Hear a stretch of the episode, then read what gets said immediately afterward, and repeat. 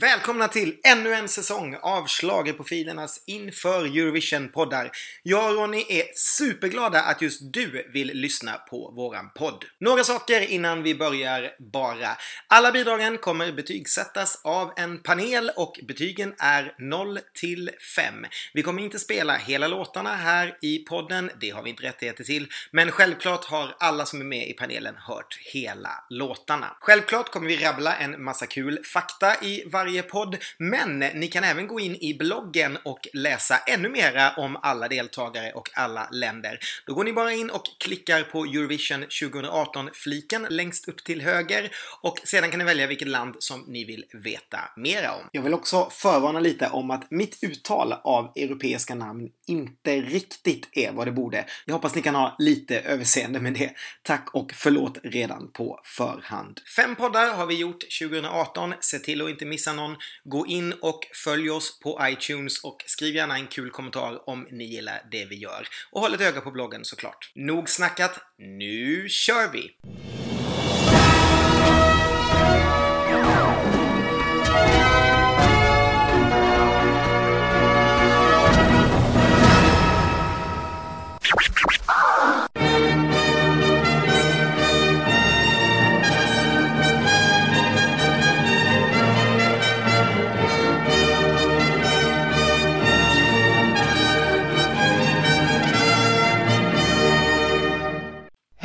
Allihopa och välkomna till det här fjärde avsnittet av Schlagerprofilernas inför Eurovision 2018 poddar. Tre stycken poddar är redan ute och vi har kommit fram till sista delen av andra semifinalen och nu idag ska vi äntligen få lyssna på Sverige, för den har ni inte hört förut. Eh, innan vi börjar lyssna på låtarna så ska jag kalla in min härliga panel. Först och främst Ronny, välkommen!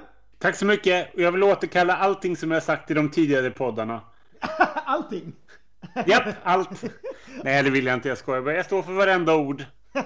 Jag måste säga att det här är så kul för det här är första podden eh, kan vi berätta för er som lyssnar som vi spelar in efter att vi har börjat släppa dem vi tidigare spelat in. De andra tre har vi spelat in liksom i, ett, eh, i en följd och eh, nu har vi börjat liksom få dem färdiga så att de har kommit ut nu. Och det är så himla roligt att höra all respons. Jag är så jäkla glad för alla som skriver massa saker och lägger upp så här bilder när de solar på Insta och lyssnar på podden. Det är så sjukt kul. Vi gör ju det här liksom eh, vid köksbordet. Liksom sitter jag här och pratar in i min dator och Ronny pratar i sin dator och likadant med våra panelmedlemmar. Eh, och det är bara så galet att tänka på det att vi fyra som sitter i varje program och snackar ska lyssnas på av så mycket människor. Jag är sjukt tacksam och det är jätteroligt och hoppas ni ska tycka den här och eh, den vi har kvar blir precis lika roliga. Det är väl lika bra att vi slänger in vår tredje panelmedlem med en gång eh, och det behövs inte så jättemycket presentation. Hon har nämligen varit med i de två eh, poddarna senast. Det här är kvinnan som just nu röstar för en person men tycker till för två. Välkommen Nina Andrén. Tack så mycket. Ja. Det kanske inte är så hemligt, du ska få en liten siv. Ja, eller, eller någonting åt det hållet i alla fall. Vi har börjat samla på dig din egen Hansson, Karlsson och Malmqvist eh, som eh, snart ska eh, komma Jajamän. ut. Mm. Äh, det, det en vi... bebistant. En bebistant, precis.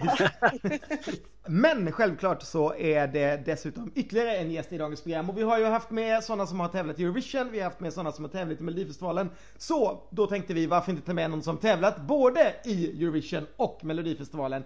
Eh, I vintras så ställde hon skåp när hon återigen programledde finska UMK och det gjorde hon ju bättre än någon programledare lett Mello de senaste två åren. Förra året så lyssnade nästan 14 000 personer på henne här i vår podd när hon tyckte till om det svenska bidraget. Så vem kan vara bättre att tycka till om det svenska bidraget i år också än Krista Sigfrids! Tack, vad roligt att jag får vara med! Det är så otroligt kul att ha med dig igen. Tredje året i rad, nu är det verkligen en tradition. Ja men verkligen! Fan, jag har nästan saknat er lite. Vi saknar alltid dig. ja, vi blir så glada att höra era röster. Åh! Åh!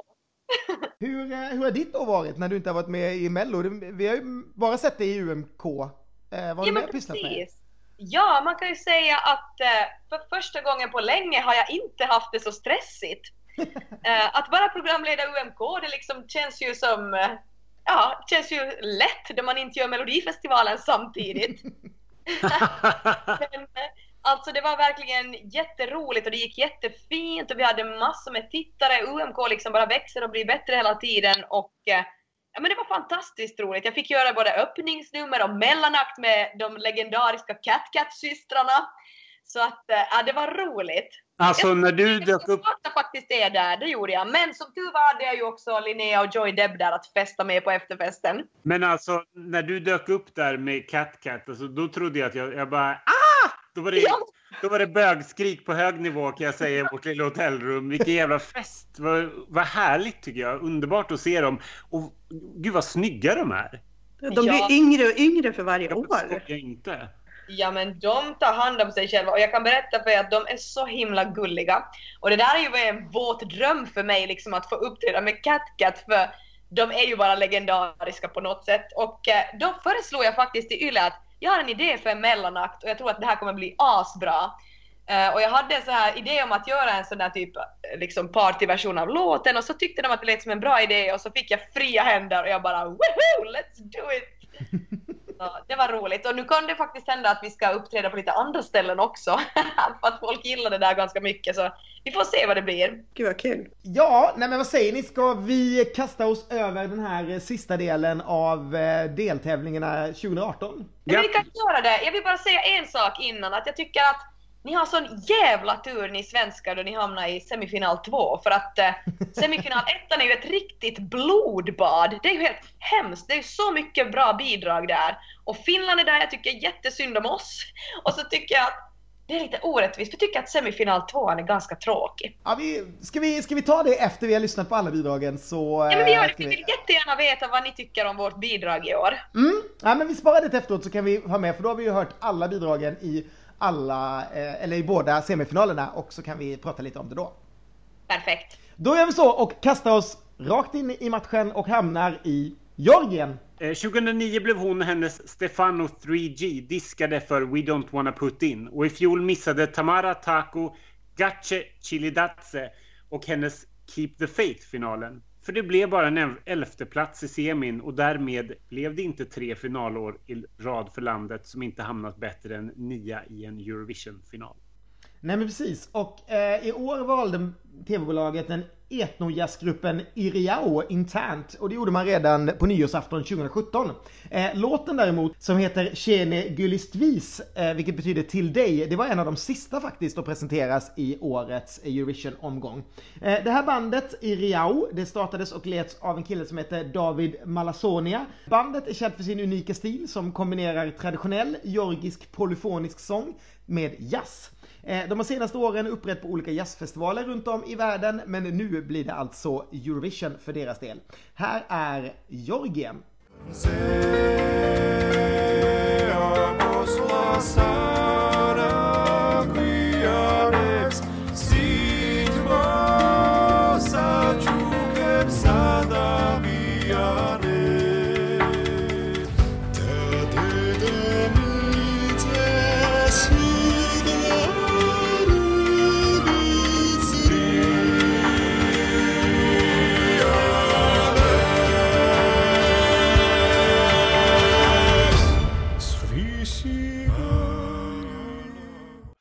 Vet inte riktigt vad jag tycker om det här. Jag tycker, all, jag tycker Georgien aldrig imponerar i Eurovision-sammanhang på något sätt.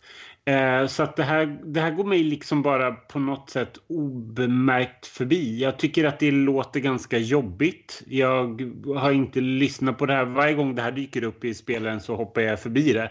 Och när jag väl plågar mig igenom det så tycker jag verkligen inte att det är så, så kul. Eh, jag ger det här en etta.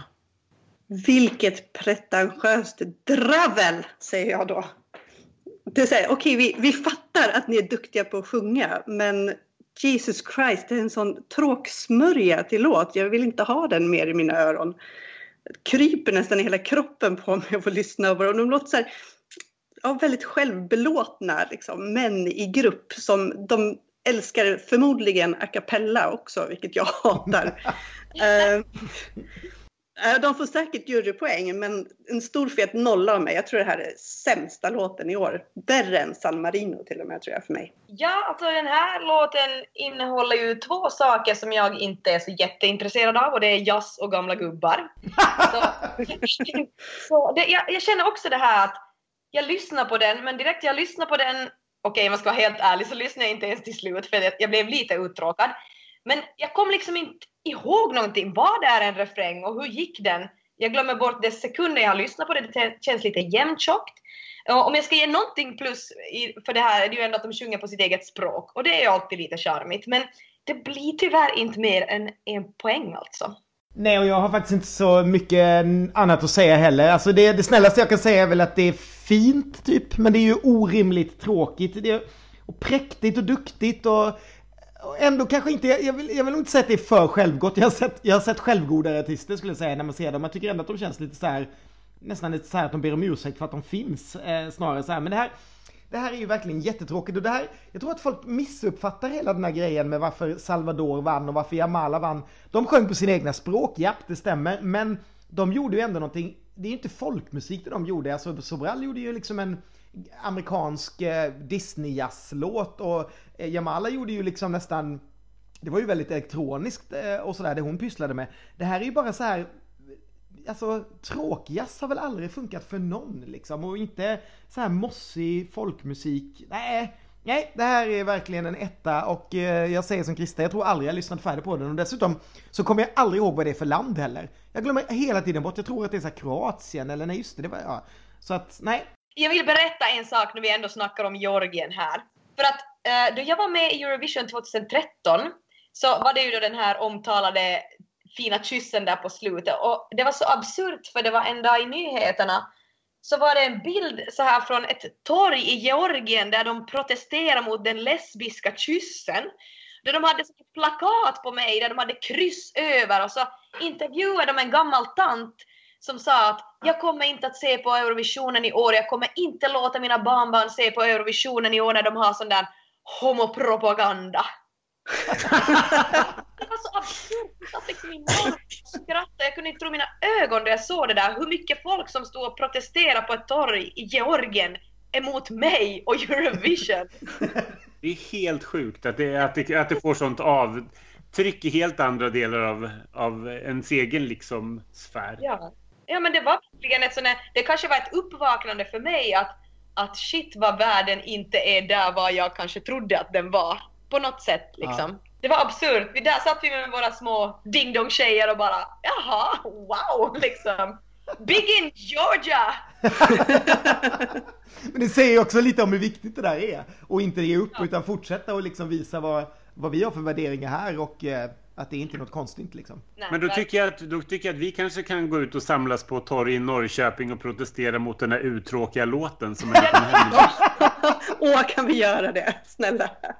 Ja, det gör vi. Gud vad roligt. Vi ser en höggravid Nina stå där med ett plakat och bara såga gruppen Iriao.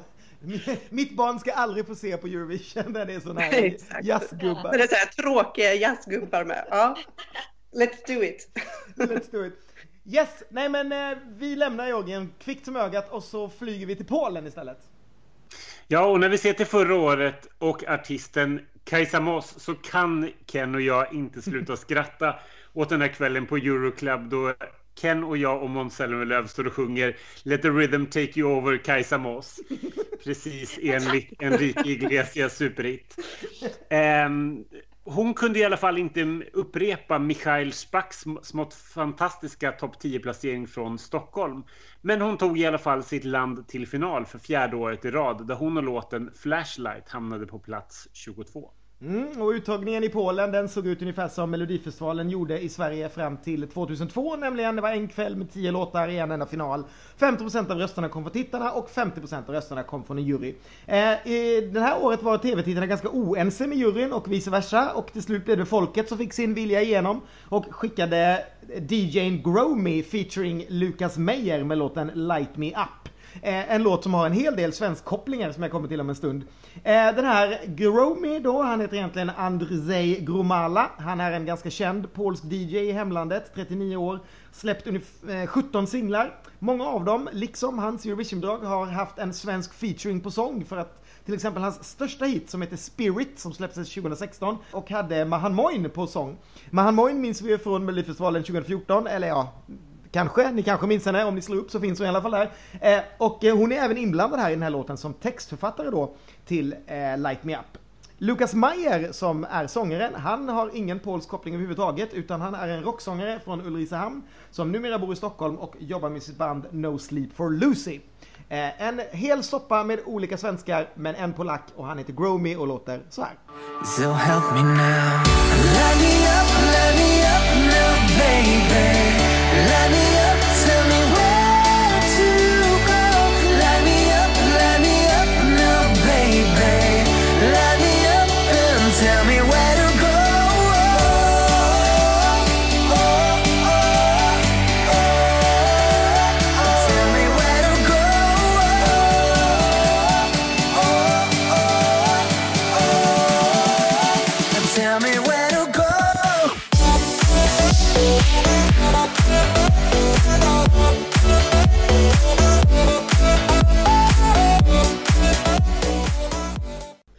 Okej, ja, men det här gillar jag. Eh, det känns hittigt eh, med ett modernt sound. Och jag tycker det är betydligt bättre än Norges försök i fjol i samma genre. Och den placerade sig ganska högt. Jag minns inte riktigt hur högt den kom, men jag hoppas och tror att Polen slår det i alla fall i år.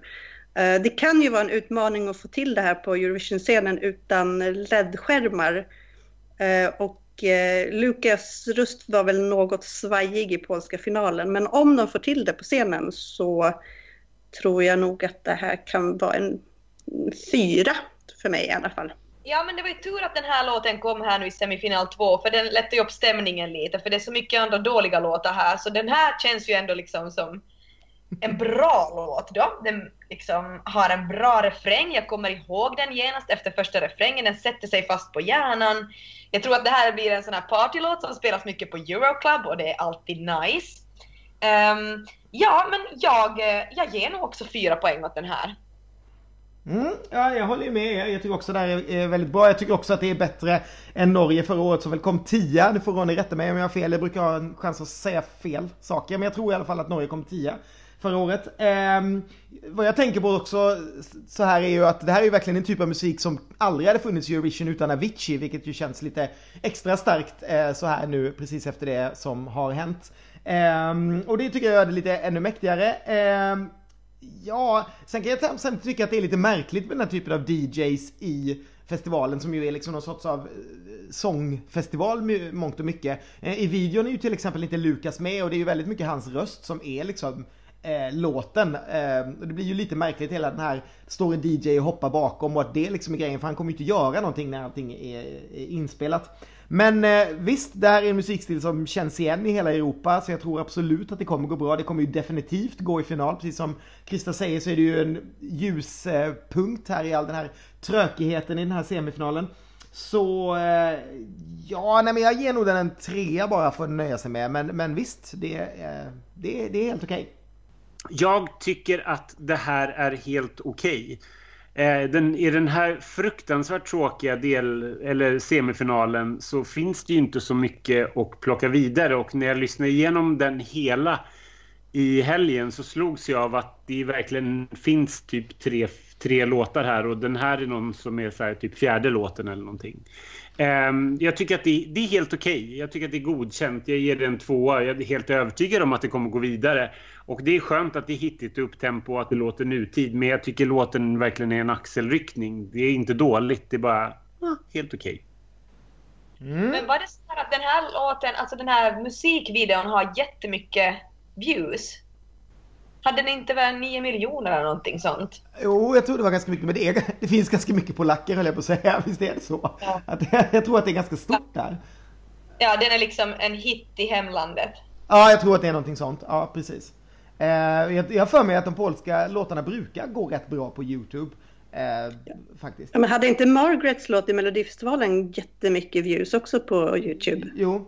Så jag kan tänka mig att YouTube är ganska, eller det verkar som att det är väldigt, väldigt stort i Polen och därför Ja. lite som att svenskarna är oftast väldigt överrepresenterade om man bara tittar på Spotify-spelningar eftersom det är så himla stort eh, med Spotify hos oss här. Till exempel. Precis. Mm. Yes! Nej men eh, då lämnar vi väl Polen slash Sverige och åker ganska långt söderut och hamnar på Malta. Ja, och då hamnar vi på den lilla härliga ön i Medelhavet där Claudia Faniello kommer ifrån. Hon fick representera sitt land på elfte försöket med den Philip Vella-pennade Breathlessly. Tyvärr så fick hon dessvärre aldrig uppleva en Eurovision-final för med sina 55 poäng och en 16 plats så fick Malta stanna i semifinalen. Det tycker jag var väldigt tråkigt för att jag tyckte att hon hade en väldigt fin ballad även om många gjorde tummen ner i min omgivning. Och inte vem du menar. Nej, inte alls. Eh, I år så körde Malta en enda final med 16 tävlande låtar och eh, med hjälp av 50% jury och 50% telefonröster så valde man 25-åriga Christabel Borg som vinnare på hennes fjärde försök i tävlingen. Eh, låten var tittarnas favorit men också favorit hos de internationella jurygrupperna där alla fem länder gav Christabel sin tolva. Storslam alltså för svenska låtskrivaren Thomas Gesson som ju bland annat ligger bakom den här låten. Eh, Christabel Borg, eller bara Christabel då som hon kallar sig, föddes 1992 på Malta. Hon har studerat eh, musik och tog examen 2014 och numera så eh, läser hon bokföring på universitetet i Malta. Eh, hennes karriär började dock redan som tonåring. Då var hon programledare för två maltesiska teen-tv-program eh, som heter Teen Trouble och Teen Traffic. Och 2014 så deltog hon i Malta Eurovision Song Contest för första gången. Eh, då kom hon åtta, hon återvände 2015 och kom tvåa och så försökte hon igen då 2016 och kom fyra. Men i år då så gick det hela vägen. Eh, låten Taboo, den har faktiskt efter den vann på Malta blivit ett inlägg i debatten om psykisk hälsa. För Christabella har varit väldigt öppen med att hon har haft psykiska problem flera gånger i sitt liv och hon är ambassadör för den maltesiska presidentens stiftelse som värnar för bättre mental hälsa i samhället. Eh, hennes roll inom stiftelsen är att öka medvetenheten om verkligheten och leva med psykisk sjukdom. Och det kan man ju säga att hon lyckas ganska bra med om hon nu tänker sjunga om det i Eurovision. Här har vi Taboo från Malta.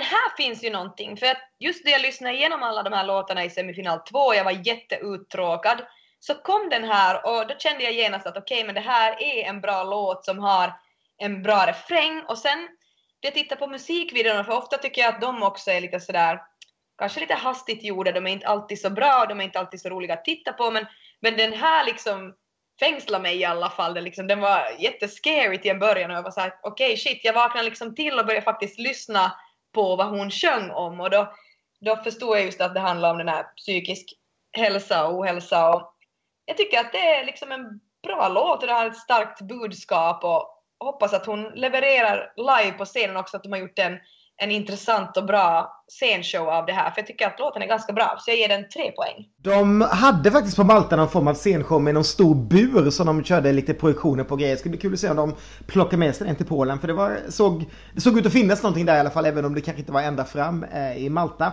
Eh, jag vill väldigt gärna tycka om den här lite mer än vad jag gör. Jag tycker att den eh, eller så här, jag tror nästan också alltid att jag tycker om den tills den börjar. För jag tycker inte att det händer speciellt mycket i början.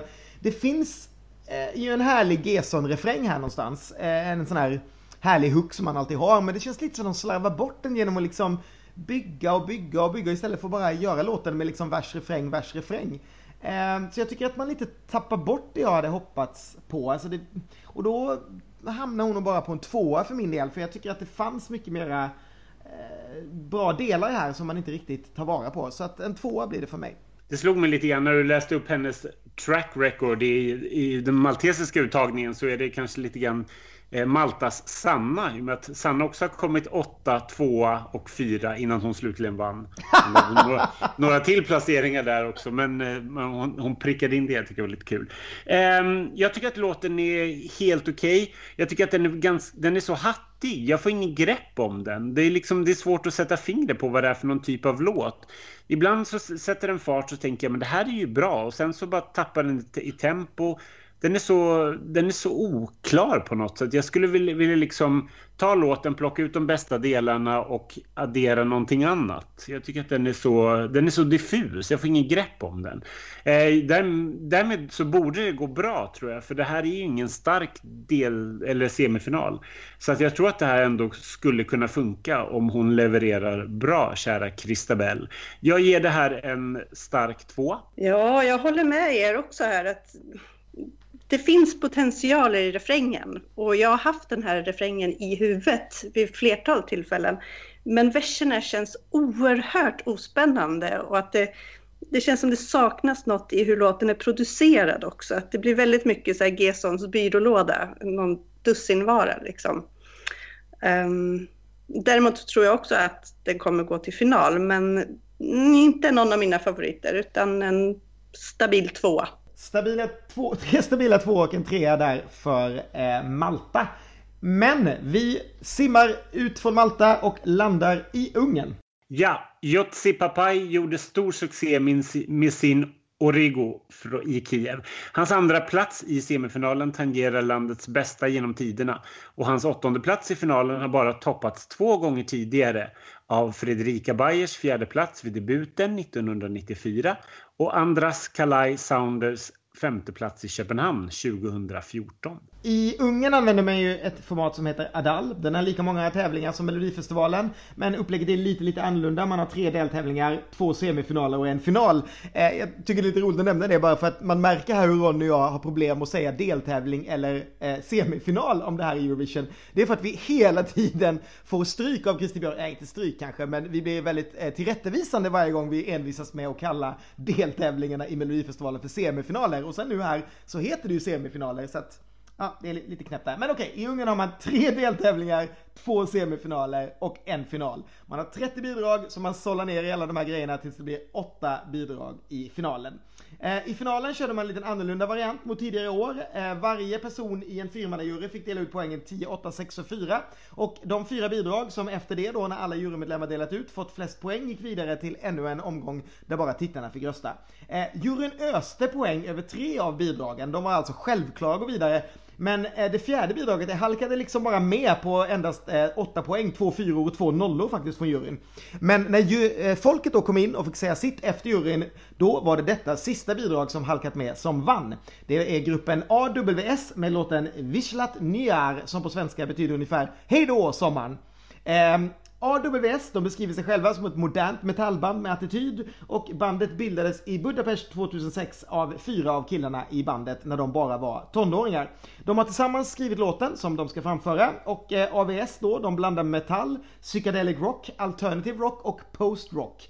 Säger mig ingenting, men det är en hel massa olika rockgenrer som de blandar i alla fall. Eh, deras musikvideor, de blandar bilder av våld med bilder av kändisar för att belysa problem som världen står inför. Och de säger sig själva vara förespråkare för en antikändiskultur. Eh, vilket kanske då står i kontrast till att de är faktiskt ett av Ungerns mest kända band och eh, är väldigt eftertraktade och kända själva. Eh, I väldigt Salvador Sobralsk anda så säger de nu att de gör sitt yttersta för att bra musik, nya tankar och äkta känslor ska komma tillbaka till deras publiks öron, hjärtan och sinnen. Om de lyckats med det, det får ni avgöra själva. Här är AWS med eh, Hej då sommar! Jag tog jävla bok av videre Og har jo nok mennige kallis Mitt folk har nyttiget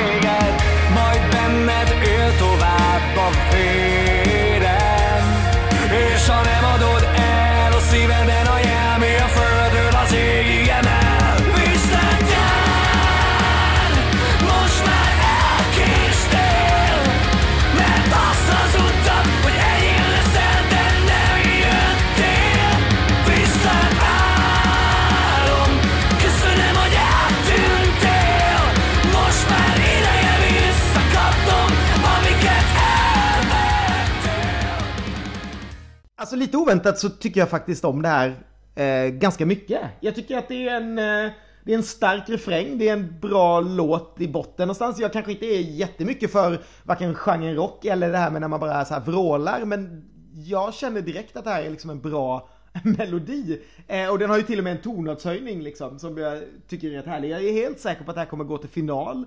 Eh, jag hade en liten så här förhandsvisning för 65 pers på mitt jobb och den här kom trea. Eh, så den appellerar ju onekligen till människor som kanske inte huvudsakligen har Eurovision som sin eh, främsta källa till musik. Eh, och eh, som sagt även till mig. Jag skulle kanske inte smälla på den så här frivilligt men nu när jag har lyssnat i de här inför Eh, inför de här poddarna så har jag faktiskt märkt att det här är en av dem jag kommit tillbaka till att lyssna. Så eh, jag är väl verkligen på ungens sida i år men en stark trea, mer än så blir det ju inte men en stark trea är det i alla fall. Det här, är sån, det här är musik som jag förstår att folk tycker är bra. Jag hör att det är bra och jag tycker att det finns någonting såklart där. Eh, jag skulle personligen aldrig lyssna på det, men jag både tror och hoppas att det går till final för att jag tycker att det behövs en bredd i Eurovision. Och det här tycker jag till skillnad från mycket annan rockskit som jag brukar säga som har gått till final har varit ganska dåligt. Men det här, tyck, det här tycker jag att jag hör att det är bra. Ehm, och jag tycker att det är bra, fast jag inte lyssnar på det. Vilket låter konstigt. Ehm, jag, jag ger det här en, en trea ändå. Ja, en trea får det bli. Ja, det här kanske inte är min vanliga musikstil. Um, och det här måste vara bland det hårdaste som har figurerats i Eurovision. Ehm, men med det sagt så är jag inte helt ovän med låten ändå, för det händer ju i alla fall någonting. Och, och som ni säger, det finns ju faktiskt en melodi där.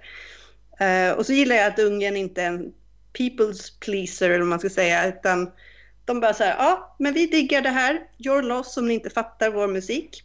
Det respekterar jag. Ehm, och sen hoppas jag att det blir en stor så här, pyro-extravaganza på scenen till den här låten. Det känns som att det finns förhoppning om att det ska kunna bli det i alla fall.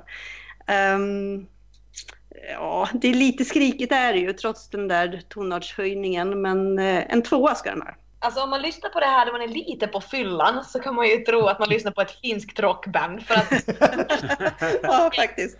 Ja, för ungerska språket liknar ju faktiskt finskan, så jag var först lite sådär confused. Jag bara, men vänta lite här, jag vet ju den här låten, men så bara, nej, nej, det var ju ungerska. Men jag tycker att det är intressant att se hur en sån här rocklåt klarar sig i Eurovision.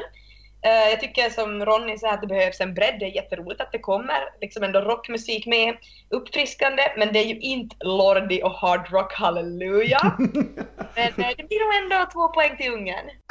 ja, men härligt. Eh, faktum är Nina att det här är faktiskt när de skickade ut klipp nu bara för några dagar sedan här på nätet om när de testade scenen nere i Portugal så var det till musiken av just den här låten och det såg jäkligt maffigt ut. Det är liksom att hela ljusriggen får jobba just i det här numret så även om det inte blir eld, vilket de ju inte testade där, så kommer det se jäkligt maffigt ut. Eh, kan Ja, härligt. Mm. Men vi ska inte dröja kvar i Ungern utan vi ska flyga upp till ett av våra grannland. Vi ska hamna till Lettland. Eh, under sex år så nådde de aldrig finalen, men sen kom två riktigt bra år för Lettland. Eh, då kom nämligen Aminata och Just in i leken tack vare det nya lettiska uttagningsformatet Supernova. Eh, men i fjol så tog det tvärstopp efter två riktigt bra år som sagt. Eh, då Triana Parks Line kom absolut sist i sin semifinal. Trots att de fått den åtråvärda äran att gå ut som sist i sin semi. Eh, precis. Eh, I slutet av februari så hölls finalen av den fjärde upplagan då av eh, Supernova som du pratade om här. Ett format som då i år lite innovativt adderat antal spelningar som tävlingslåtarna haft på Spotify innan finalen som en del av tv-tittarnas poäng. Så alltså ju mer låtarna hade lyssnats på innan desto flera poäng eh, fick man. Efter tre deltävlingar så hade åtta låtar av 21 tagits vidare till finalen. Eh, egentligen var det bara meningen att sju låtar skulle tävla, men efter ett tekniskt missöde i semi 2 så visade det sig att den tvåa man ropat ut, det var faktiskt bara trean eh, och tvärtom. Så lösningen blev att man skickade då både ettan, tvåan, trean eh, till finalen. Ett glädjebesked då från tidigare trean Marcus Riva som för femte året i rad försökte få representera sitt land i Eurovision. Nu vann han inte i år heller tyvärr, utan vinnaren blev istället artisten som både var folkets och expertjuryns favorit, 23-åriga Laura Risotto med låten Funny Girl som hon skrivit helt själv. Eh, Laura Risotto, hon föddes 1994 i Rio de Janeiro i Brasilien med en halvlettisk pappa och när hon var 11 så flyttade hennes familj till USA och hon har växt upp i Minnesota. Eh, Efter high school så har hon pluggat musik både i Boston, Los Angeles och New York. Hon har släppt två album och åtta singlar, men då i sitt födelseland Brasilien. Eh, Hon har faktiskt dessutom jobbat som Jennifer Lopez portugisiska språkcoach, vilket är en härlig grej att ha på sitt eh, CV. Medverkande i Supernova, det var hennes första kontakt med sitt lettiska arv, alltså hennes farmor är ju då från Lettland från början. Men nu ska hon alltså representera sin farmors hemland i Eurovision. Man kan undra om hon kan ett enda ord på lettiska, det behöver hon inte kunna här, för hon ska sjunga Funny Girl för Lettland.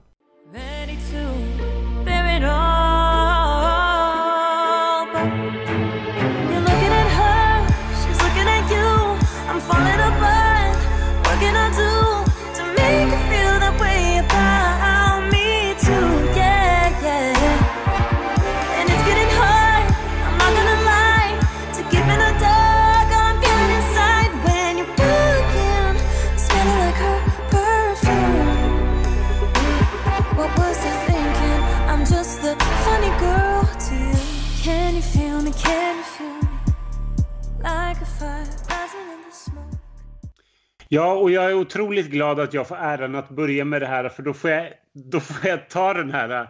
Det här är ju Sam Browns stopp. Man kan ju inte prata om den här låten utan att nämna Sam Browns 80-tals hit stopp. Ehm, jag tycker att det här är ganska bra.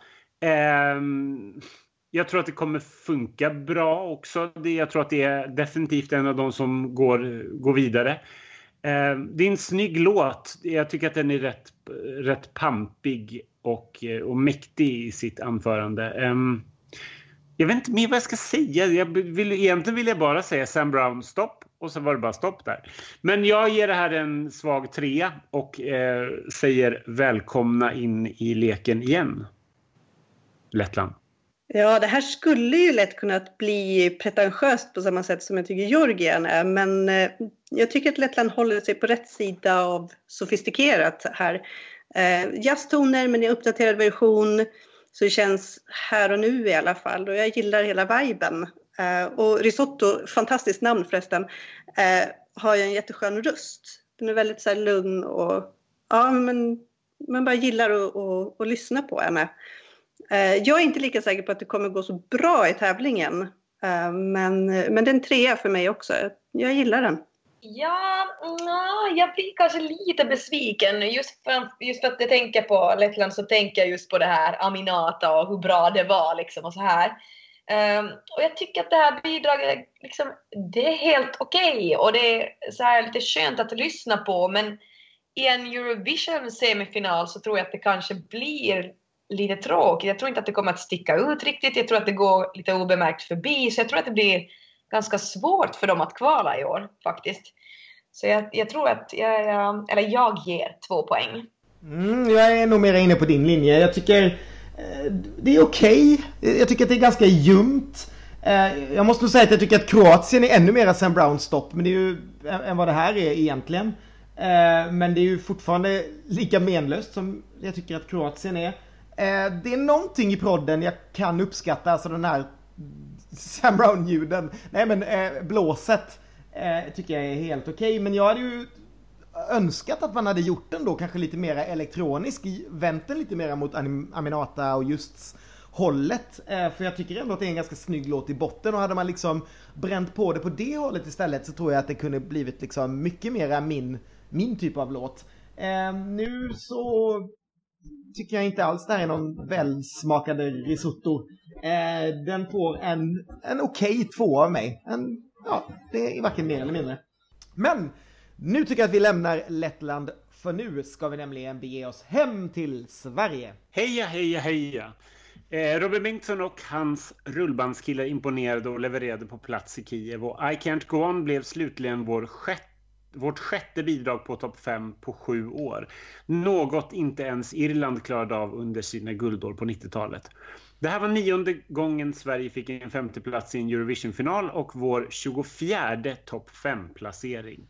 Fantastiskt! Fantastiskt! Eh, Melodifestivalen 2018, det var den 58 upplagan av tävlingen och det 17 året med det nya, nya formatet som introducerades 2002.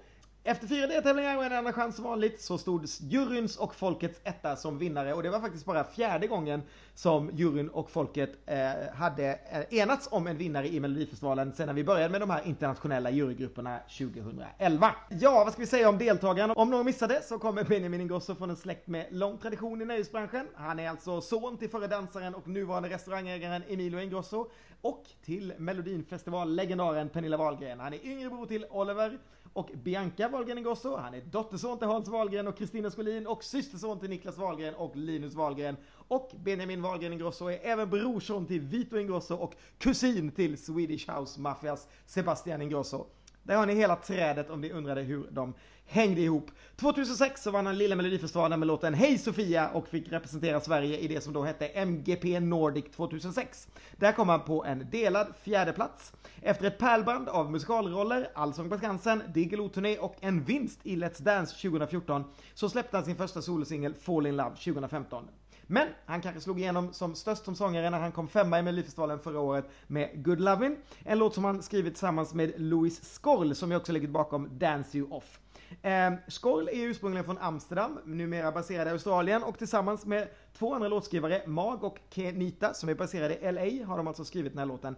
Och jag tror att det betyder att det här är andra gången Eh, Joakim Harstad Haukas skrev ju You 2013. Men annars så är det andra gången som inte alla upphovsmän till det svenska bidraget i Eurovision är eh, åtminstone verksamma eller boende i Sverige. Nåväl, nu har vi pratat ganska mycket. Nu är det dags att lyssna på låten. Här är Dance You Off med Benjamin Ingrosso. Just wanna dance, dance you off.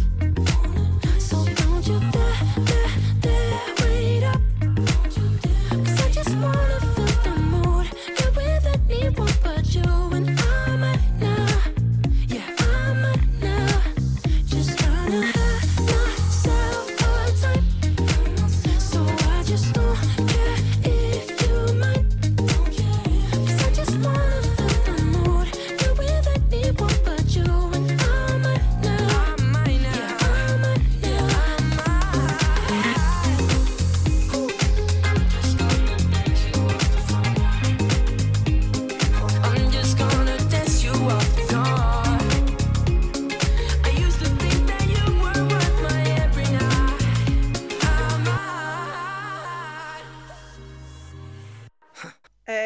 Alltså det är ju alltid svårt att bedöma sitt eget bidrag eftersom man har hört det så betydligt många fler gånger än de andra låtarna.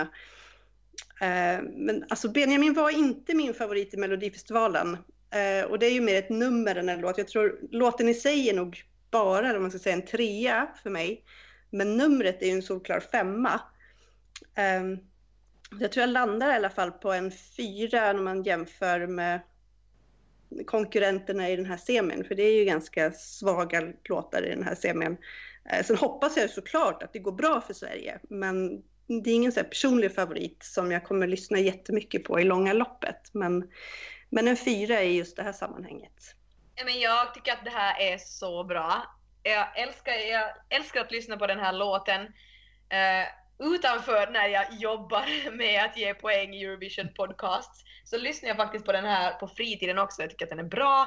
Den är härlig liksom att dansa till, man blir på bra humör. Jag tycker att numret är assnyggt och det kommer ju verkligen att sticka ut här i, i semitvåan och eh, det borde ju vara bombsäkert till final. Jag tycker det är så bra, fem poäng. Eh, och jag håller med. Eh, jag håller med båda två. Jag tyckte väl, eh, jag tyckte jag, det här var ju en av mina favoriter i Melodifestivalen. Eh, men eh, det är ju kanske inte det starkaste eller det bidraget jag har lyssnat mest på om man ska se tillbaka till svenska vinnare. Däremot så måste jag säga att varje gång jag hör den så är den bättre än vad jag minns den. Det låter kanske jättekonstigt för jag har ju hört den ganska många gånger. Men det är någonting i min hjärna som, som har det här tänket som Nina sa att nej men det här är inte riktigt en låt jag lyssnar på utan så här, mm. Men sen varje gång jag hör den så tycker jag att den är riktigt bra. Eh, så att jag har nog verkligen lyssnat på den precis lagom mycket tror jag. För annars brukar man kanske vara ganska trött på eh, svenska bidrag så här dags. Men det här funkar bra. Och jag måste säga att det här lilla Daft Punk-ögonblicket eh, som kommer i låten när de har så här vocoder-rösterna.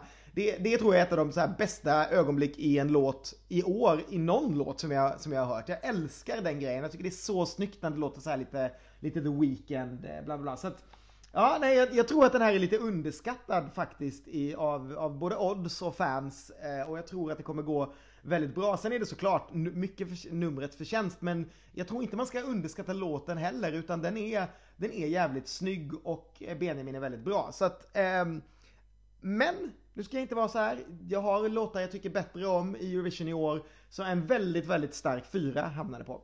Men hej Benjamin! Gud, vem trodde att Sverige skulle vara vattendelaren i schlagerprofilerna det här året? Jag tycker att jag tycker tvärt emot Ken helt när det gäller låten. Jag tycker att det, jag slås varje gång jag hör den av hur tråkig och blek den är. Jag tycker inte att den har någonting egentligen. Alltså, det är, den bara pålar på. Den är, den är så ljum. Det är, liksom, det är så ljumt bara. Sen är numret, precis som Nina sa, en femma. Jag tycker numret är assnyggt och när man ser alltihopa under tre minuter så, så dras man med i låten för låten är bättre live tycker jag än vad den är på skiva. För varje gång jag hör den så bara nej, hur, kan vi, hur kunde vi ha valt det här? Jag förstår inte. Ehm, jag, jag har hela tiden känt att det kommer bli en åttonde plats så jag står fast vid att jag tror att det kommer bli en åttonde plats.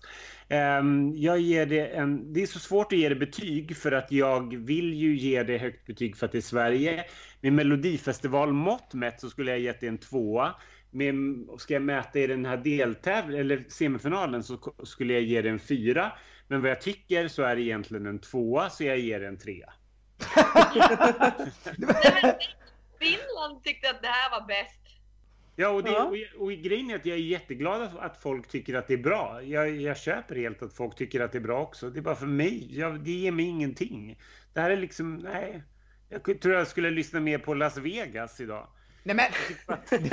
det var ett svärord! Nej, jo, det, var, det var lite hårdraget. Men, men jag, jag tycker verkligen att, att det är... Jag tycker, jag tycker inte om låten bara. Det är, det är bara så det är. Ja, nej, men jag fattar helt. Men var ligger Sverige på de här oddslistorna egentligen? Ja, de ligger väl åtta tycker- typ tror jag. Ja, för man har inte hört så mycket snack. Annars brukar ju Sverige alltid ligga i toppen. Mm. Nej men det, är- det är så, vi ligger väl typ åtta och det är väl liksom det finns ju, alltså fansen har ju alltid gnällt men i år gnällde de ju redan under mello att vi inte hade någonting och det blev ju bara ännu värre för nu, det här hävdar de ju bara handlar om nummer och de är redan trötta på att vi alltid får så mycket poäng av juryn och inte av folket. Nu får vi ganska mycket av folket också så jag vet inte vad det där kommer ifrån men visst vi har haft lite bättre tur hos jurygrupperna de senaste åren. Och så tror jag det är många som eh, tyckte att vi redan förra året skickade en svagare låt med ett bättre nummer eh, och att vi gör det igen.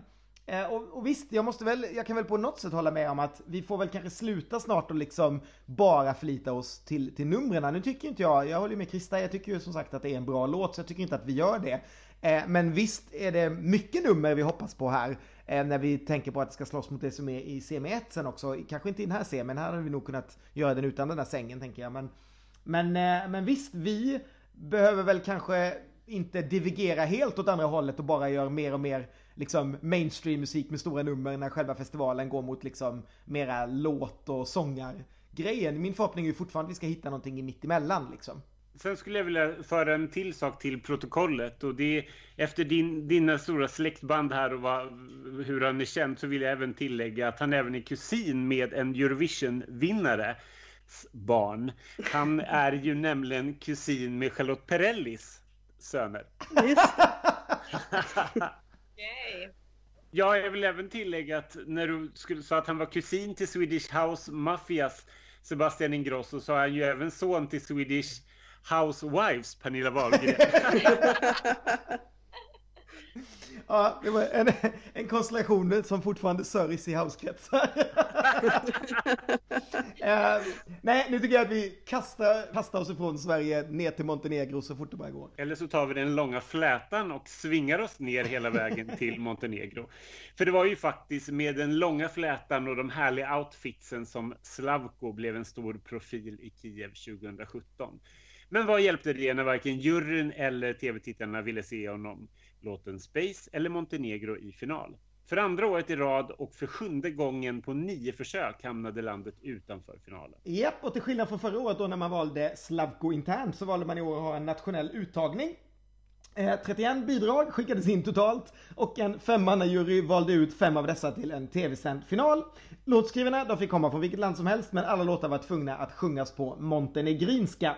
Eh, resultatet bestämdes av TV-tittarna som först röstade fram tre av bidragen till en andra omgång och i den första omgången med fem bidrag så vann en tjej som hette Lorena Jankovic en förkrossande seger med 40% av rösterna. Men när det var dags för omgång två så var det bidraget som slunkit dit som nummer tre som tittarna plötsligt ville rösta på. Det var alltså startfältets enda manliga deltagare som var kvar och han hette Vanja Radovanovic. Han vann med 37% av rösterna. Han är en montenegrinsk singer-songwriter som slog igenom i hemlandet som 20-åring, släppte kort därefter ett av årets mest framgångsrika album och efter det så har han släppt en handfull singlar, turnerat och frontat ett band. Han har skrivit sitt bidrag själv, ett bidrag som gör att Montenegro återigen gör ett försök med en klassisk Balkanballad. Detta musikaliska koncept som är det enda som har tagit dem till final i Eurovision. I år låter det så här och låten heter Inje, vilket betyder rimfrost. She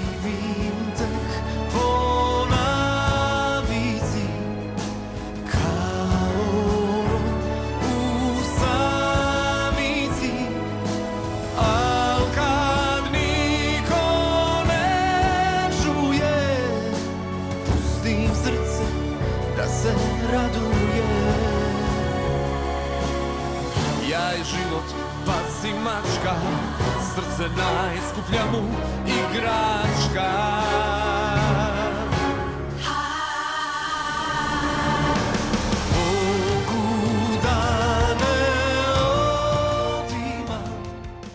Ja, alltså det, kan, det känns lite old school. Jag tror att det här hade varit fantastiskt fint då förr i världen då det var den här stora liveorkestern.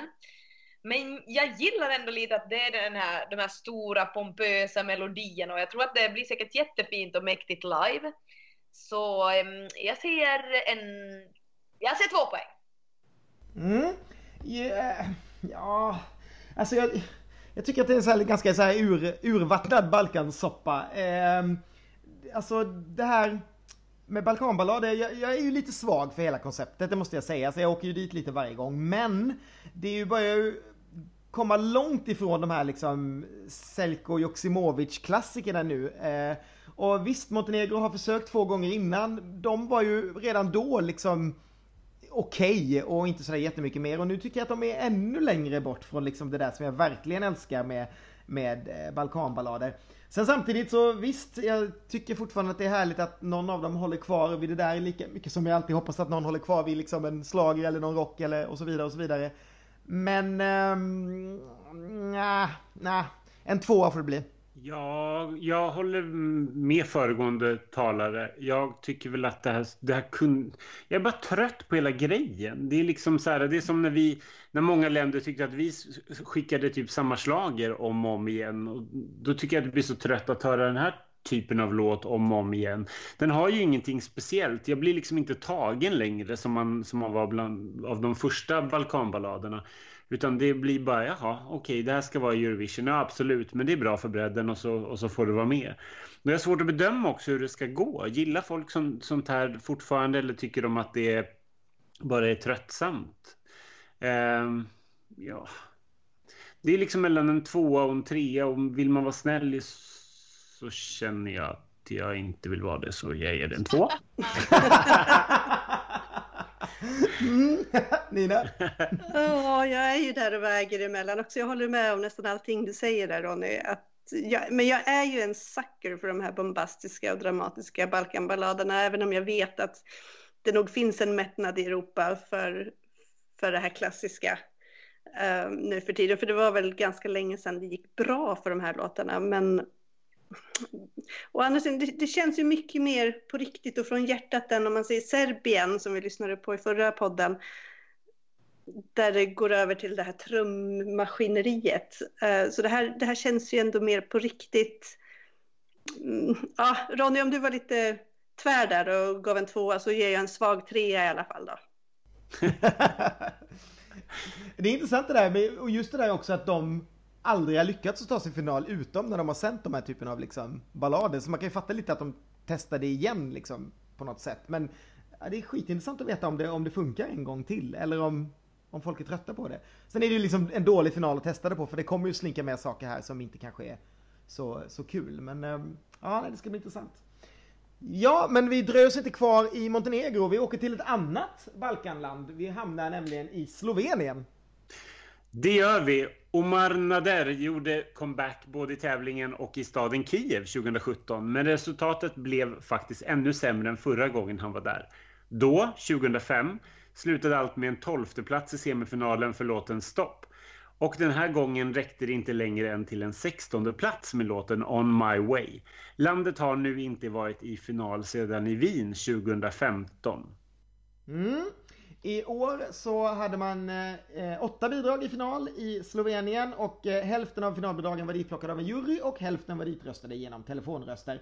Eh, och som Eurovision-fan i Slovenien så hade man nog börjat bli lite lack vid det här laget för att tv-tittarna hade nämligen för andra året i rad mycket hellre skickat den populära brödraduon BQL eller BQL att representera landet i Eurovision.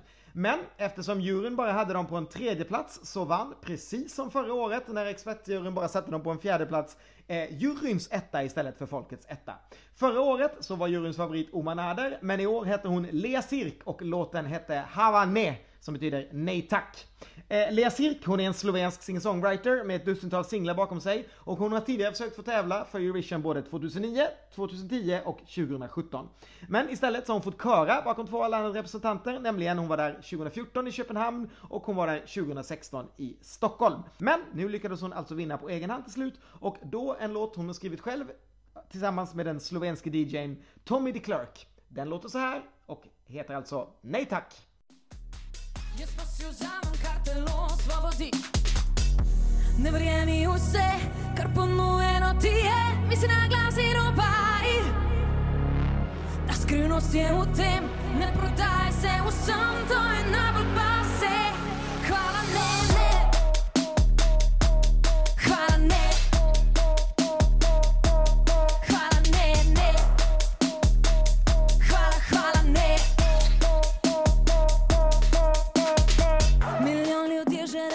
reklo, da.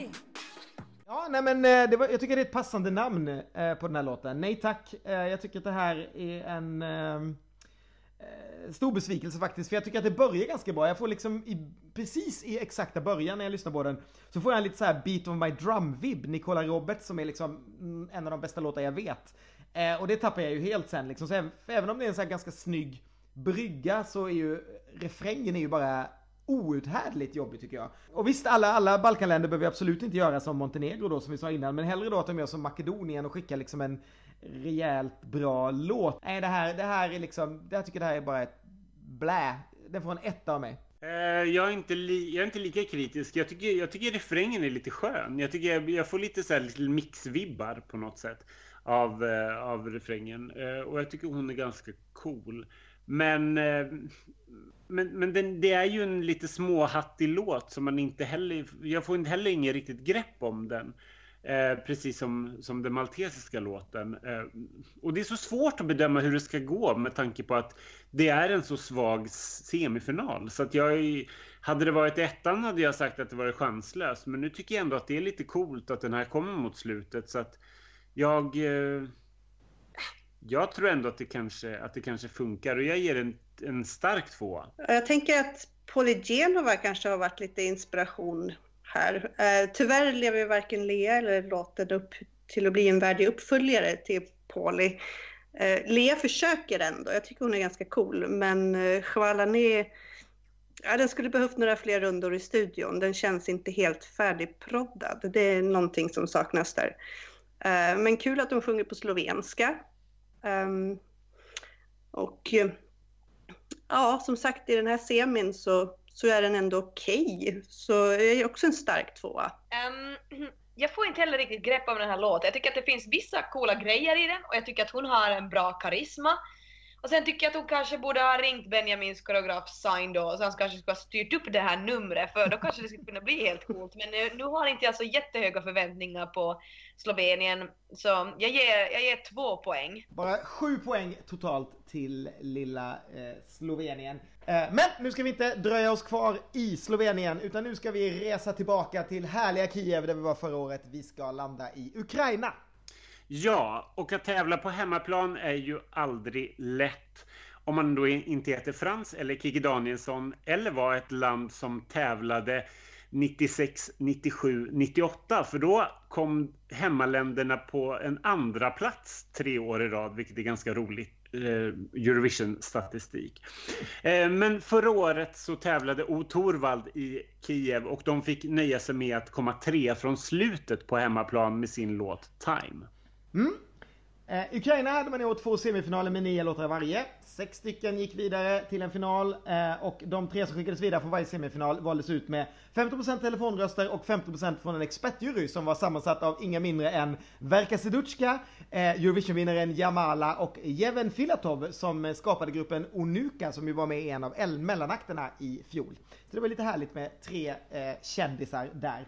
Eh, vinnaren blev folkets favorit och expertjuryns tvåa. Han heter Melovin och låten heter Under the Ladder. Ensam fick han en tredjedel av alla telefonröst som kom in i finalen.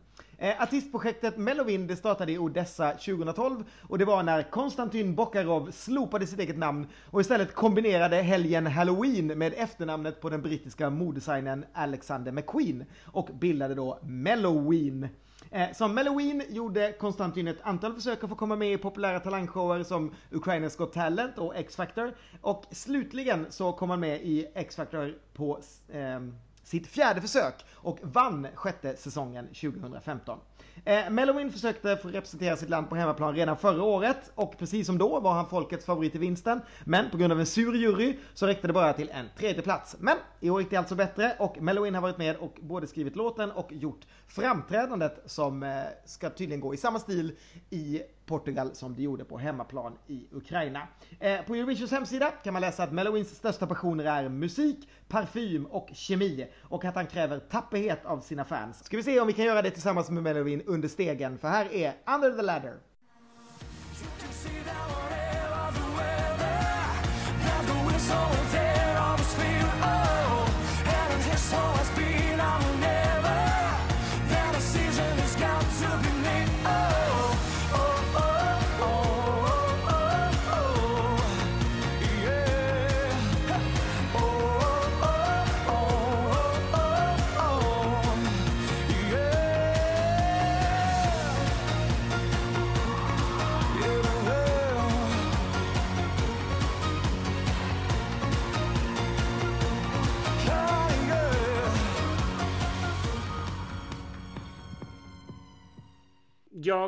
Tycker... Äh, jag blir, jag blir lite ledsen vill jag först och främst säga. För när jag kollade igenom vad Ukraina placerat sig tidigare och vad de har skickat så blir man så här äh, lätt nostalgisk när man tittar tillbaka på mitten av 2000-talet. Hur, hur mycket bra och kul de skickade och hur de alltid såg som eh, vinnarkandidater. Och det gick ju väldigt bra där under några år.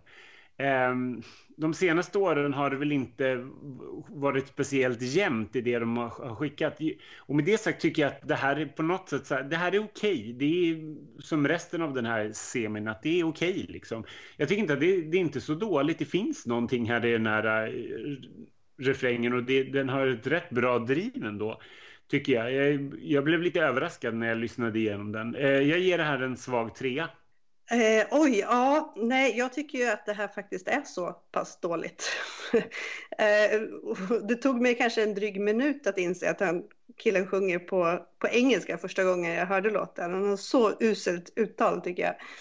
Men ja, nej, fan Ukraina, de kan ju så mycket bättre än det här. Jag fattar inte hur det här kunde vinna. Eh, här, ge mig Verka, ge mig Annie Lorak och ge mig Män i hamsterhjul så jag blir nöjd. Men inte det här. Jag orkar inte att de är så slätstrukna i år. Det blir hasta la vista, Ukraina, ett poäng. Eh, ja, men jag är lite inne här med, med Ronny att det finns vissa bra grejer här, men jag måste medge att jag är lite uttråkad. Jag vet inte varför. Kanske jag också hade vänt, förväntat mig lite mera av Ukraina. Men ja, men det var ju snyggt att trapporna brann där, så det blir väl en svag trea. ja, då ska jag, vad härligt att jag får avsluta och vara den mest positiva, för jag tycker faktiskt att det här är eh, alltid en positiv överraskning när den här dyker upp. Jag tycker den gömmer sig lite på slutet. Det är väl så att jag liksom alltid brukar somna innan jag kommer till sista låten i, i andra semifinalen. För varje gång som jag liksom verkligen lyssnar på den så tänker jag att nej men, den här är ju faktiskt ganska bra tycker jag. Ehm, Jag tror att det blir lätt final igen för Ukraina. Eh, Kanske inte någon sån här topplacering av alla de där fantastiska låtarna som Ronny och Nina räknade upp. Men alltså visst, det, det är ju inget hamster wheel men det är ju i alla fall ett burning fake piano. Mina liksom. Det är ändå, ändå en av Love Love Peace-grejerna. Um, nej, Det jag- räcker inte. Jo, Ja, det, fick det tre poäng av mig ändå. Ja, men Because precis. of the burning piano. Exakt. Och det är samma sak för mig. Den får en... Jag tror till och med att det är en sta- jag skulle säga att det är en stark trea för mig. Eh, nästan varit och, s- och liksom luktat lite på en fyra ibland. Jag tycker att det här är rätt. Men det kan ju också som sagt vara för det är ganska tafflig semi. Men, men här tror jag definitivt att de kommer komma på eh, övre halvan i den här semin. Sen får vi väl se vad som händer eh, i finalen. Men eh, de behöver nog inte vara rädda för att inte komma till final. Det, det skulle jag säga. Det var alles, så då kan jag väl bara lite snabbt sammanfatta och säga att eh, Sverige tadada, var den, det land och den låt som gick bäst idag. Eh, näst bäst gick Polen som fick 13 poäng. Och sen på delad tredjeplats hade vi både Ungern, eh, Lettland och Ukraina med 10 poäng vardera. Ja, mm, då kanske vi ska ta upp det där igen som, vi, som Krista hintade lite om innan vi gick in på Ja, låtarna. gud vad jag är nyfiken. Nu vill jag veta. Okej, så här. Jag vill veta vad ni tycker om Finlands bidrag i år. Ja, men jag kan bara säga att jag älskar Finland, det tror jag i och för sig de andra också. Jag pratar för, för mig själv så tycker jag Finland är fantastiskt, det är en av mina favoriter. Jag älskar ju Sara Alto, eh, men det är lite orättvist som sagt. Hade ni varit i semi 2 så hade det ju varit självklart för Finland att gå till final. Nu är det ganska tight med så här liksom upptempolåtar och det är liksom tjejer och det är, jag tycker att allting är ju så otroligt tight i första. Så det vore, eh, det vore, det hade ju varit en chock om Finland inte hade varit i final om den hade varit i andra. I första så kommer det inte vara en lika stor chock men det kommer bero på att det kommer vara bra låtar som inte kommer få plats. Men jag hoppas verkligen inte att, eh, att Finland är en av dem. Men eh, av de lyssna, låtarna vi har lyssnat på i de här två semifinalerna så är absolut Finland en av mina favoriter. Vad roligt. Ja, jag tycker också att, jag håller med Ken, jag tycker att Finland skickar någonting riktigt bra i år och det hoppas jag verkligen ska premieras. Det, det enda som gör mig lite orolig är att så här, jag trodde att det, det skulle ses som en av vinnarkandidaterna och den finns inte riktigt med i toppen när man tittar på oddstabeller och när man ser fanomröstningar och sånt. Men den, den finns med där. Men den är inte så högt som jag hade hoppats att den skulle vara. Så, och och det, gör mig, det gör mig kanske lite orolig. Men sen så tänker jag ändå att så här, men en bra låt är en bra låt. Och det ska, jag känner bara att så illa kan det väl inte gå att den missar final trots att det är en stark semifinal. Så jag, jag tror ändå att Finland klarar det och jag hoppas verkligen att det blir en topplacering för det är Finland så, så värda. Eh, Jag måste säga också att eh, innan Monsters vann i Finland så var ju Finland mycket högre på oddslistorna och kändes som en mera vinnarkandidat, alltså när bara låten var släppt. Så var det som att folk lite tappade efter de såg UMK. Eh, och det, det, var, det måste jag ju säga att det var väl lite orättvist för det kändes som att, att Monsters hade fått det liksom tråkigaste numret där och de andra två låtarna hade mycket, mycket roliga nummer även om jag hundraprocentigt tycker att Monster var den låten som, som skulle vinna och som skulle skickas. Så jag vet inte om det var lite framträdandet som gjorde att, att liksom basset tappade fart eller om det var att det kom låtar som till exempel Israel då som ju också är en tjej som sjunger och som är liksom, Mm. ja. Jag vet inte riktigt, vad, tror- vad tror du Christer? Nej men jag, jag tror eh, så att em, de hade då hennes koreograf från England och så här som, som planerade numret, de hade stora planer liksom för Monsters men sen blev det, det kanske inte gick att förverkliga så som de hade tänkt det. Och, eh, men det är ju det som är bra nu att de gör ju om numret totalt. Det kommer ju inte att se ut som det gjorde i UMK, vilket är roligt för då kommer ju hon att komma med en överraskning nu till Lissabon. Mm. Och det här numret som ni kommer att få se i Lissabon är mycket bättre. Ja, har du sett det? Ja, jag har sett. Åh, vad spännande! Åh, vad spännande! Så att, eh, så att det kan jag liksom lova er att det blir mycket. Så det blir intressant att se att kommer hon tillbaks då liksom lite upp i, i fighten där eller, eller har de tagit över de här andra? Just då, Israel är ju så otroligt populär nu också. Hon är ju cool och det är en häftig låt och allting som är all rätt. Men att det blir ändå intressant att se hur det tas emot hennes nya nummer. Mm. Mm. Ja. ja, jag älskar ju också Finlands låt i år. Eh, och jag hoppas ju att den här scenshowen ska, ska bli magisk. För jag vet ju att Sara kan ta en scen och ta en publik. Eh, och det, jag, jag förstår inte det där att, nej men att Finland kanske inte kommer till final. För mig är det självklart att de är i topp 10 i sin semi. Mm. Ja, vi får hoppas, men det är mycket bra låtar och bidrag i ettan. Det är liksom hemskt. Det blir så spännande. Ja, men sen visst är det så att Storbritannien röstar i semi 1 också och då borde ju eh, Sara Alto få tolvan av, av Storbritannien. Eller? Ja, det tycker man ju. Ja, nej, men det tror jag nog. Och det är ju dessutom ett väldigt bra alltså, startnummer för Finland. Det, det som talar eh, emot de andra är ju att det, det är aldrig bra att vara i tidigare delen, i alla fall inte om man tittar tillbaka på hur statistiken har varit. Så har det alltid varit liksom eh, flera låtar från andra, eller liksom det har varit lättare att ta sig från andra halvan av semin. Plus att det är ganska trångt med favoriter just i första delen. Medan i eh, Finlands halva, om vi ska säga, där är det ju väl eh, inte, inte så många liksom av, av toppfavoriterna som ligger, utan de har ju trängs ju innan, utan där är det väl liksom ja, Österrike, Cypern eh, och, och, och, lite sånt. Men, eh, men inte liksom någonting som, som är på samma stil som Sara. Mm, det är sant. Ja, men det blir, åh, det blir jobbigt att kolla på den här. Man ska vara så nervös, men det blir spännande och roligt. Ja, det, alltså, det måste jag ju säga att det, har väl, det ska väl inte vi behöva vara i Sverige. För om jag tittar på den här nu när vi har lyssnat på hela semi 2 så måste jag säga att jag har ju svårt att hitta tio värdiga låtar som ska vidare till final. Eh, tycker jag. Alltså jag menar Australien självklart, Sverige vill jag också säga självklart, även om jag vet att jag är svensk och kanske inte borde vara så. Eh, men, men sen är det inte jättemycket mer som jag tycker är självklart. Jag tror ju såklart att, att Norge kommer gå vidare. Jag tror även att Danmark kommer gå vidare. Jag tror att Ukraina kommer gå vidare och sådär. Men, men liksom självklara så tycker jag liksom egentligen att det är så här. Australien, Sverige. ja, jag håller med. Jag håller med. Eh, sen, sen tror jag ju kanske att Moldavien och Polen är ganska säkra också att gå vidare. Ja, nej, men det men... tror jag också. Jag har ju lite feeling för Danmark ändå. Det är liksom lite sådär Game of Thrones, Vikingarna. Jag får, jag får lite feeling faktiskt. Mm. Bra, bra Krista, bra. men, jag må, men, jag måste fråga, hade du några andra favoriter i Melodifestivalen? Du gillade ju Benjamin, men hade du någonting annat som du gillade? Uh, oj, hjälp, nu måste jag tänka. Det här är ju så länge sedan. Men jag kan berätta att min brors dotter älskar Samir och Viktor med Shuffla. Alltså, det är en sån hit, vi har lyssnat på det massor här då. men jag tycker också det var bra. Men, men jag gillar nog ändå Benjamins show och låt bäst. Jag, jag tyckte verkligen om det. Mm. Va, vilken låt tror ni vinner semi 2? Oj. Australien. Ja. Ja, jag skulle nog säga Australien också. Men jag vet inte fan, Sverige skulle ligga väldigt bra till där också. Va, hur tror ni att det går för Rybak då? Jag, tror, alltså, jag avskyr den låten med, med hela min kropp, men jag tror att det kommer gå väldigt, väldigt bra. Jag tror att, alltså, vissa, vissa dåliga dagar så kan jag tänka mig att den vinner alltihopa. Åh, eh, hemska tankar. Ja, men jag vet, men jag, det, det är så här mardrömmar jag har, att, att jag tror det kan, kan, kan gå så. Den sticker liksom ut på det där jobbiga sättet, precis som, som Jamala och eh, Sobral gjorde liksom. Det är så här, fast det här är liksom så här glatt och käckt och, uh, usch. Äh, då, äh, usch, då hoppas jag, hellre, hoppas jag hellre att Ungern vinner vår semi eh, som sticker ut på ett helt annat håll. Eh, men nej, jag, jag gillar inte den alls, men jag tror att det kommer gå jättebra för Norge. Absolut. Mm. Rybak har ju det att han är så otroligt charmig och likable. Mm. Absolut, och han kombinerar liksom på något sätt öst och väst på ett perfekt sätt. Han är liksom den ultimata nya tidens Eurovision-artist också, liksom fortfarande. Ja. Och, sen, och sen bara det att han kommer tillbaka som en för detta vinnare så kommer ju kommentatorerna uppmärksamma det och då kommer ju folk lyssna lite extra kanske på Norge också. Mm. Mm.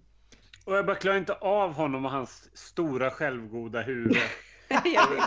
att han, och att han, inte, att han aldrig har några produkter i håret. Det, är alltid, det ser alltid så här nytvättat och fluffigt ut. Så, så måste jag säga, Nina, Nina, det hjälper inte alltid att komma tillbaka som en gammal vinnare. Vi vet hur det gick för Dana International när vi var i Düsseldorf. Det ja, det är det, det, är det jag håller tummarna för att ska hända här. Vi vet alla hur det gick för Charlotte Perrelli. I. Det kan man säga, hon var, hon var faktiskt inte heller ja. i final egentligen förrän jurygrupperna hjälpte in henne. Ja, just det. det har inte gått jättebra för, de, för några av de här tidiga vinnarna när de har kommit tillbaka. Aj, aj, aj. Jag, ska, jag kommer att göra en, ett Eurovision-program från från Helsingfors, från Yle, vi gör en direktsändning innan finalen, sån här inför finalen liksom. Mm. Livesändning. Så att det, så vi skulle ha gjort det från Lissabon men det blev tyvärr Helsingfors. sen, kom Linnea, sen kom Linnea Deb och tog alla pengarna så att sen så var ni tvungna att Ja men vet du vad, jag hade problem med pengarna redan innan det så att jag visste att det, jag skulle tyvärr inte få åka till Lissabon. Jag visste det för länge sedan redan så det var synd. Aj, gud vad synd, de kunde gott skickat dig bara, så kunde vi, du kunde bara gått hem via Skype, precis som vi gör nu, så kunde du bara suttit och kört det där vid, ja. så, hade, så hade vi fått ha det i alla fall. Ja, det hade varit så kul, men ja, få följa med, följa med härifrån i år då. Vi hoppas att Finland vinner och så får du programleda hela balletten nästa år istället. Ja! Ja! Det vore ju perfekt. Ja, verkligen. Det skulle vara, det skulle vara häftigt. Är först, så kan du köra det och Mello samtidigt. Du är ändå van med det. Precis, för det var ju liksom så tråkigt i år då jag bara hade en uppgift. Nej men jag vill bara tacka så hemskt mycket för att du ville vara med igen. Det är så roligt att ha med dig varje gång och det är så kul att få ett litet perspektiv från ett land som inte är Sverige också när vi, när vi eh, sitter och bedömer just Sverige. Ja men absolut, det var jättekul som alltid. Hörni, ni ska ha det så himla kul i, i Lissabon och, eh, och du på BB. Och, ja, jag hoppas att det inte blir mitt i finalen där i alla fall. Det är, det är beräknat två veckor efteråt, så, Okej. men man vet ju aldrig.